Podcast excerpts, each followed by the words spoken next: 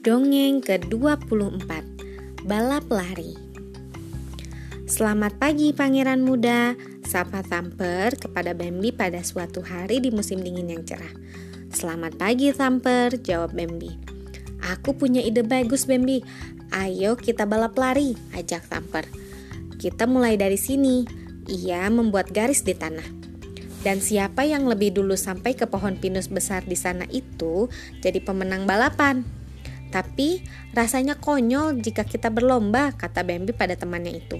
Kenapa? Tanya Tamper bingung. Karena aku pasti menang, sahut Bambi. Mengapa kau begitu yakin? Tantang Tamper sambil membusungkan dada. Karena aku lebih besar dan lebih cepat daripada kau, Bambi menjelaskan.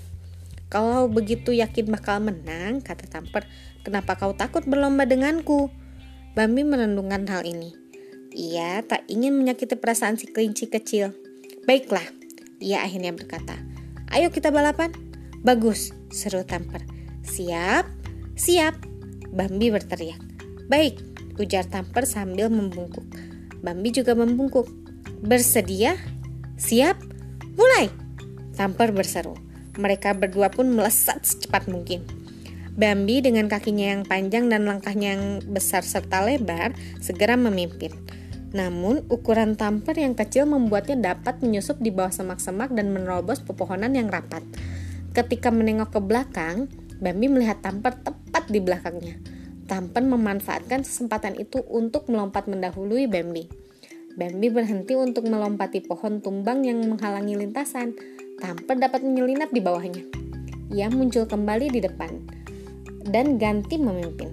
Langkah Bambi semakin panjang Larinya semakin cepat. Tak lama kemudian, ia pun melewati Tamper. Tetapi karena terburu-buru ingin lari secepat mungkin, ia tersangkut di semak-semak. Sementara Bambi berjuang melepaskan diri, Tamper melompat mendahuluinya lagi.